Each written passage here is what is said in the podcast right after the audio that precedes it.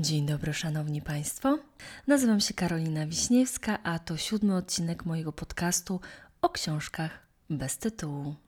Dziś zacznę od pozdrowień dla mojej bratowej, e, która jako pierwsza odezwała się na moje ostatnie wezwanie do członków rodziny. Klaudia, ściskam cię mocno, wygrałaś ciacho, albo nawet dwa. E, Szanowni Państwo, w tym całym moim tworzeniu, w tej całej mojej zabawie w podcasty, bo umówmy się, że dla mnie jak na razie jest to zabawa, najważniejszym czynnikiem jest kontakt ze słuchaczami. Staram się nie zostawiać żadnej wiadomości bez odpowiedzi, a muszą Państwo wiedzieć, że nie wszystkie te wiadomości są cukierkowe. Cieszy mnie to, że skupiam tutaj grupę świetnych obserwatorów i doradców, którzy potrafią zwrócić moją uwagę na to, co mogę poprawić, ulepszyć czy zmienić. Dlatego też zależy mi, żeby pokazać, że nawet jak się z kimś nie zgadzam, to staram się znaleźć złoty środek tak, żeby wszyscy, którzy zabiorą głos, wiedzieli, że zostali wysłuchani. I właśnie wpadłam w taką pułapkę ostatnio, kiedy bardzo trudno było mi znaleźć rozwiązanie, które zadowoli mojego słuchacza i jednocześnie nie będzie w sprzeczności z tym, co ja sobie postanowiłam, wymyślając ten podcast. Jak już Państwo zauważyli, mam nadzieję, że to zostało zauważone, to każdy odcinek zaczyna się i kończy tak samo. Dodatkowo zwracam się do Państwa właśnie tak, czyli nie na ty.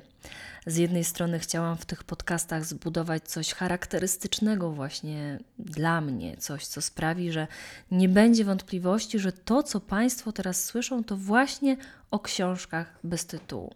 Stąd na przykład moje wszystkiego najlepszego na koniec. Tak mój tata kończy rozmowy telefoniczne, tak ja w czasie pandemii kończyłam telekonferencje w pracy i tak postanowiłam kończyć podcasty. I przyszedł do mnie słuchacz, Mateusz, e, pozdrawiam cię serdecznie, i cytując Świetlickiego, zrobił mi nieporządek w chaosie. Mateusz zwrócił uwagę, że jestem bardzo otwarta i swobodna w swoich wypowiedziach i gryzie mu się ten wizerunek z, e, z używanym przeze mnie zwrotem Szanowni Państwo. Dla niego to budowanie dystansu ze słuchaczami, a dla mnie wyraz szacunku. No i mamy zgrzyt. Konsensus został osiągnięty, kiedy obiecałam, że na jeden odcinek, na wyraźną prośbę Mateusza, e, przejdę z Państwem na ty. Zatem wypijmy dziś Bruderschaft, który będzie obowiązywał przez najbliższe kilkanaście minut. No to Karolina jestem. Jak kto woli, może być Karo. Wasze zdrowie. Dziwnie. No ale umówmy się, że od czasu do czasu spełnię jakieś życzenie, z którym nie do końca będzie mi po drodze. Więc studnia życzeń, w razie czego jest czynna pod adresem mailowym kontaktmałpa.karowiśniewska.pl.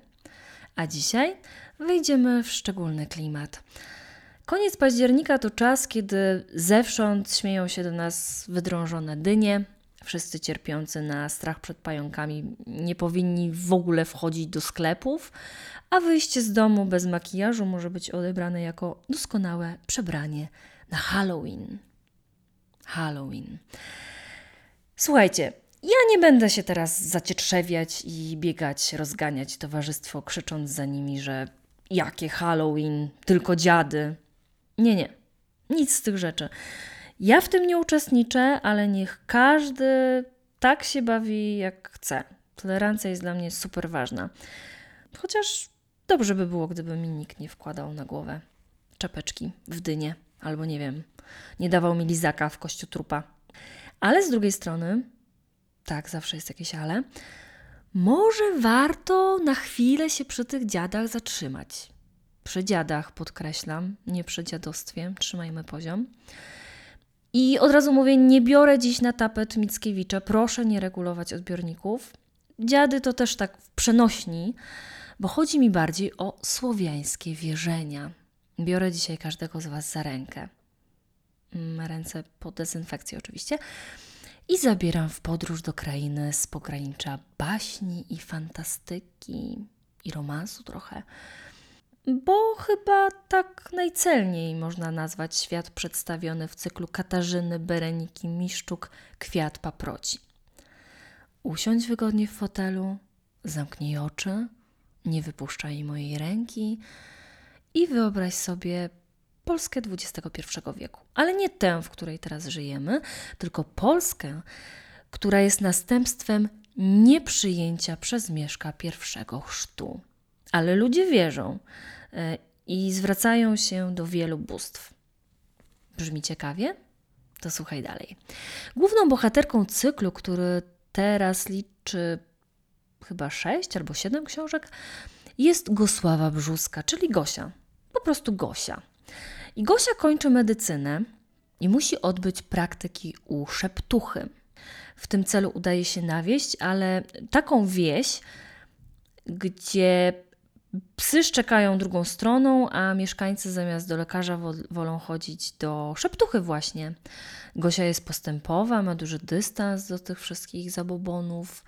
Nie bardzo wierzy w te ziółka do picia i nie tylko do picia, e, w te czerwone sznureczki, zaklęcia, rozsypaną sól i całą otoczkę, która swoją drogą mm, jest w tych książkach absolutnie urzekająca.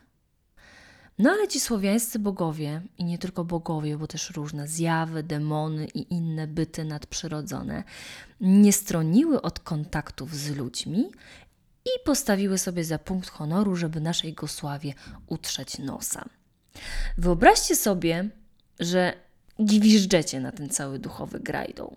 Śmiejecie się w twarz tym, którzy próbują was przekonać, że bogowie są wśród nas, a potem wasz znajomy okazuje się planetnikiem i sobie zasuwa po, po niebie, jak jest burza. Pal licho, jak ten znajomy okaże się dobrym demonem. Gorzej, jak się trafi na strzygę na przykład, e, co to sobie lubi trochę świeżej juchy czasem chlapnąć. No i co? Nigdy tak naprawdę nie masz pewności, z kim masz do czynienia. Tak czy inaczej, Gosia trafia do Jagi, Mm, no oczywiście, Baba Jaga, a czegoście się spodziewali. I na własne oczy może zobaczyć, jak funkcjonuje się w takim współżyciu na pograniczu dwóch światów.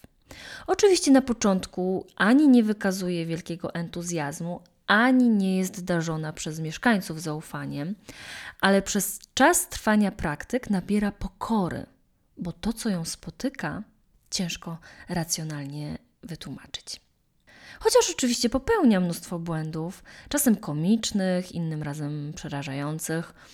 No i ta Kosia niby jest po studiach. Niby 20 lat y, skończyła dawno temu.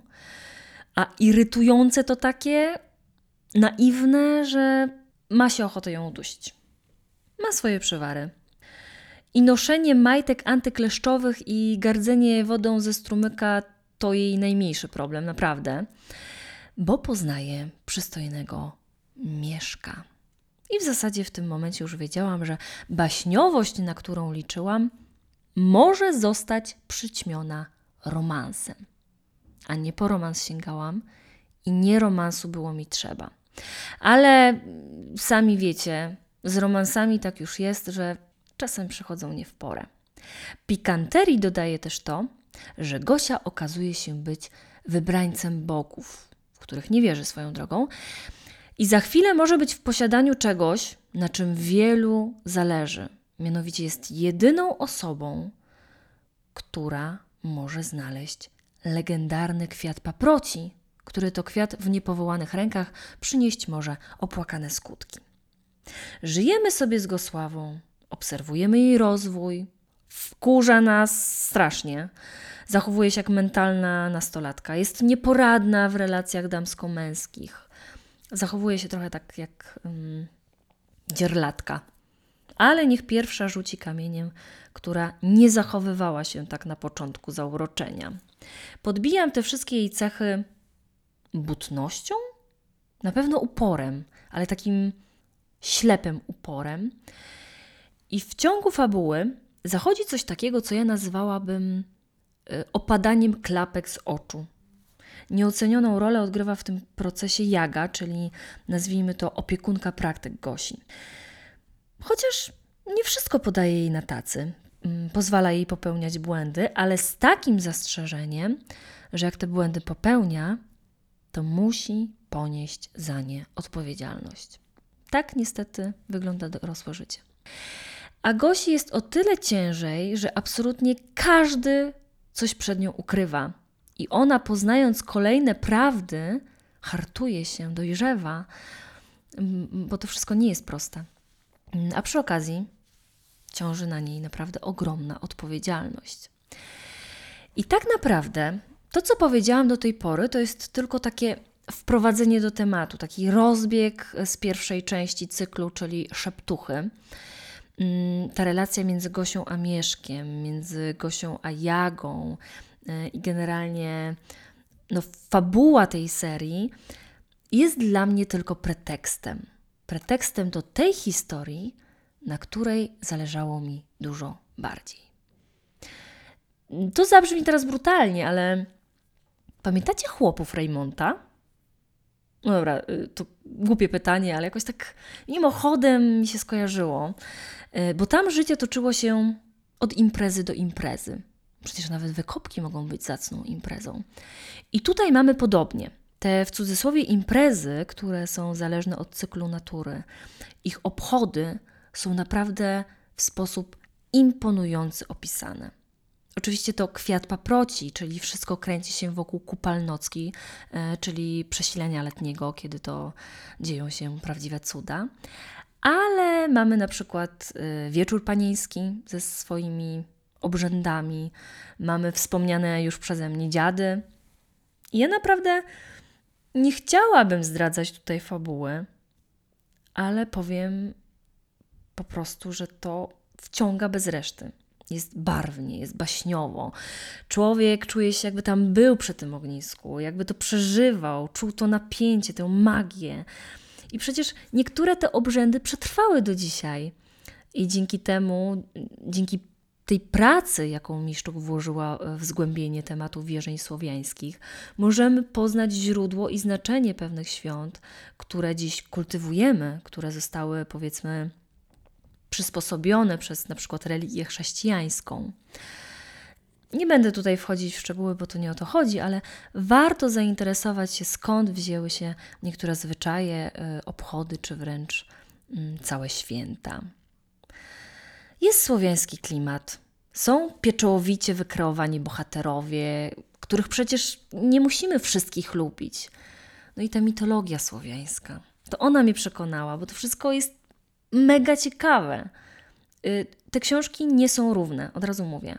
Ciężko powiedzieć, żeby jednostkowo każda z nich mnie zachwyciła. Ale cała historia, sposób jej zbudowania, taka szczypta niebanalnego humoru, to wszystko okraszone tajemniczością, baśniowością, czymś, co przecież jest częścią naszej historii. To nie jest tak, że mm, wypleniliśmy te słowiańskie wierzenia.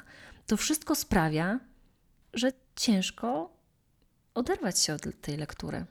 Kiedy ta historia wpada w taki banalny romans, to nawet jest trochę wstyd, że to tak wciąga. Ale wciąga. I ja nie będę tutaj zgrywać o e i bułkę przez bibułkę, że tylko wielka y, literatura y, i to mi się nie podobało. Podobało mi się. Każdy ma na sumieniu jakieś grzeszki, nie tylko literackie. Kurczę, no nie wiem co powiedzieć.